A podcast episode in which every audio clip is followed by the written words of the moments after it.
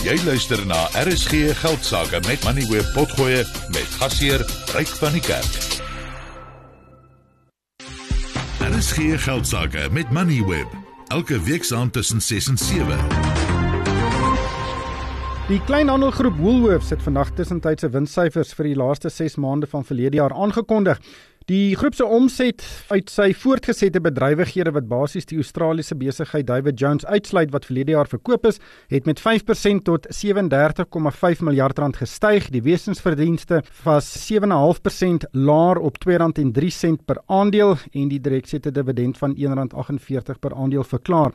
Roy Bagatini is die uitvoerende hoof. Roy, thank you so much for joining me. Your results you have reported are not really comparable with the previous periods as you have sold David Jones last year. But still, there seems to be a lot of headwinds, mostly from consumers who are under pressure. And Woolies, of course, targets the most affluent segment of consumers. And it seems that even the rich people are feeling the pinch. You know, as you said, I mean, our reporting periods to date have always been with David Jones uh, in the base. That's now gone. And so we now have what we define as our continuing operations, our businesses excluding David Jones. And the results we're talking about today are really those businesses. It's true to say that when we look at the macro environment, it's been tough and tough for us here in South Africa and it's tough for all the retailers in Australia where consumer confidence is probably its lowest level since the financial crisis back in 2009-10. So it is tough. In our case, though, we're also coming off a very high performance period. Last year was our record performance. You would remember we declared record dividends, record earnings, etc. So it's a very high base we're comparing ourselves to. But notwithstanding, I think consumers are under pressure. Disposable income is under pressure, and that does sort of play through to what we see for traffic and footfall in our stores. But what is important is if you look at our South African business, right? I mean, we grew our profits by 10%. And in this environment, really, I think a really respectable or very commendable sort of outcome. Our teams have done a great job at doing that in a very difficult environment. The food business is by far the biggest business within the group. It generated two thirds of the group's revenue and nearly 60% of pre tax profits during the period.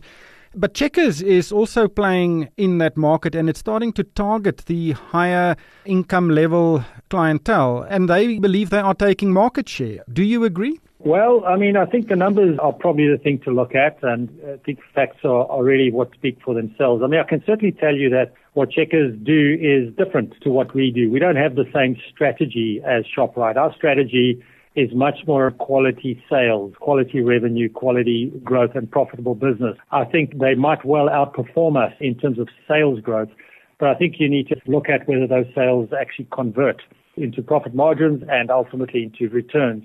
Our food business has had a particularly strong six months. Our like-for-like sales has in fact the fastest growing in the sector, which would tell you that we therefore are taking share. I mean, there's other players obviously in the sector, so they really in a way donate share. And so we're all aware of that, and some of them are a little bit more sort of stressed at the moment, and you've seen some of those headlines. But our foods business is a very high return on capital business.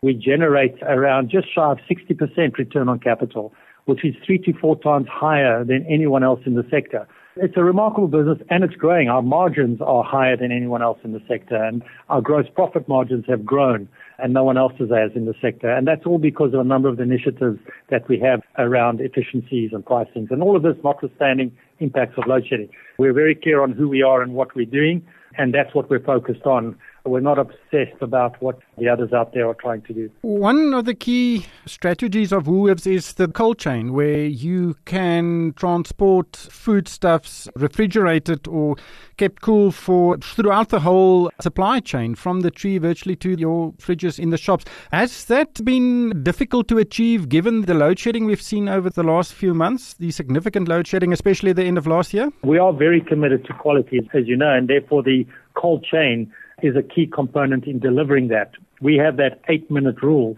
that no product from the moment it's actually farmed and packaged all the way through logistics, all the way into our stores, if it's out of the cold chain for more than eight consecutive minutes, we actually remove it.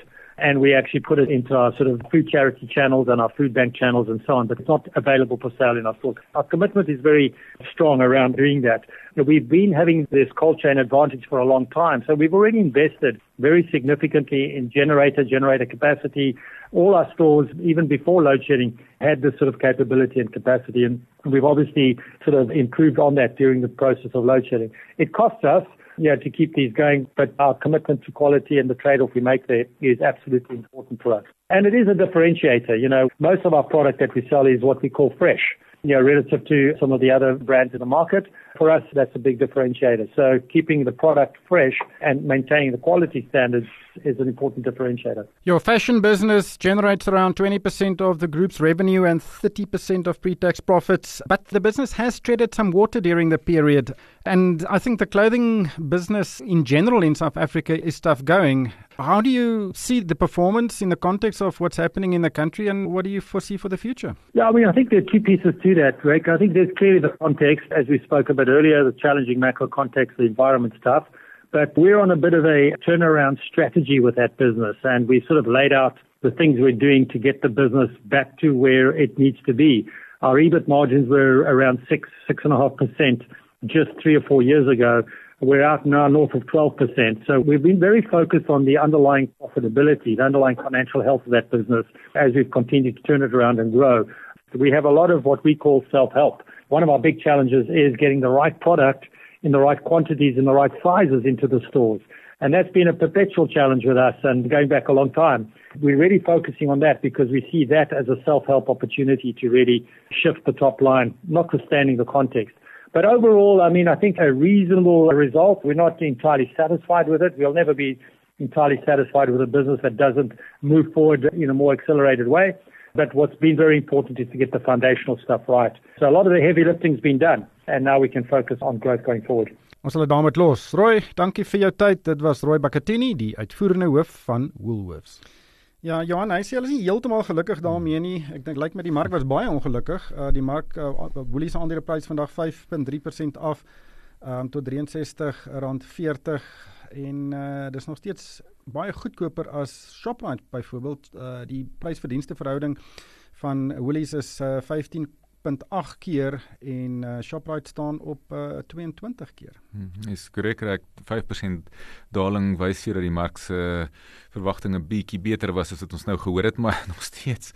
Jy kyk na 'n verbruiker wat sukkel, jy kyk na beerdkrag, jy kyk na jy weet die die die die die die ketting wat ons het waar daar blokkades is in terme van die ehm um, hawens en so voort en jy kyk na die omgewing en jy sê 10% winste nog steeds nie sleg nie en hulle hulle bly gefokus op kwaliteit en op hulle operasionele vermoëns en daai twee goed dink ek onderskei hulle van van die ander kleinhandelaars.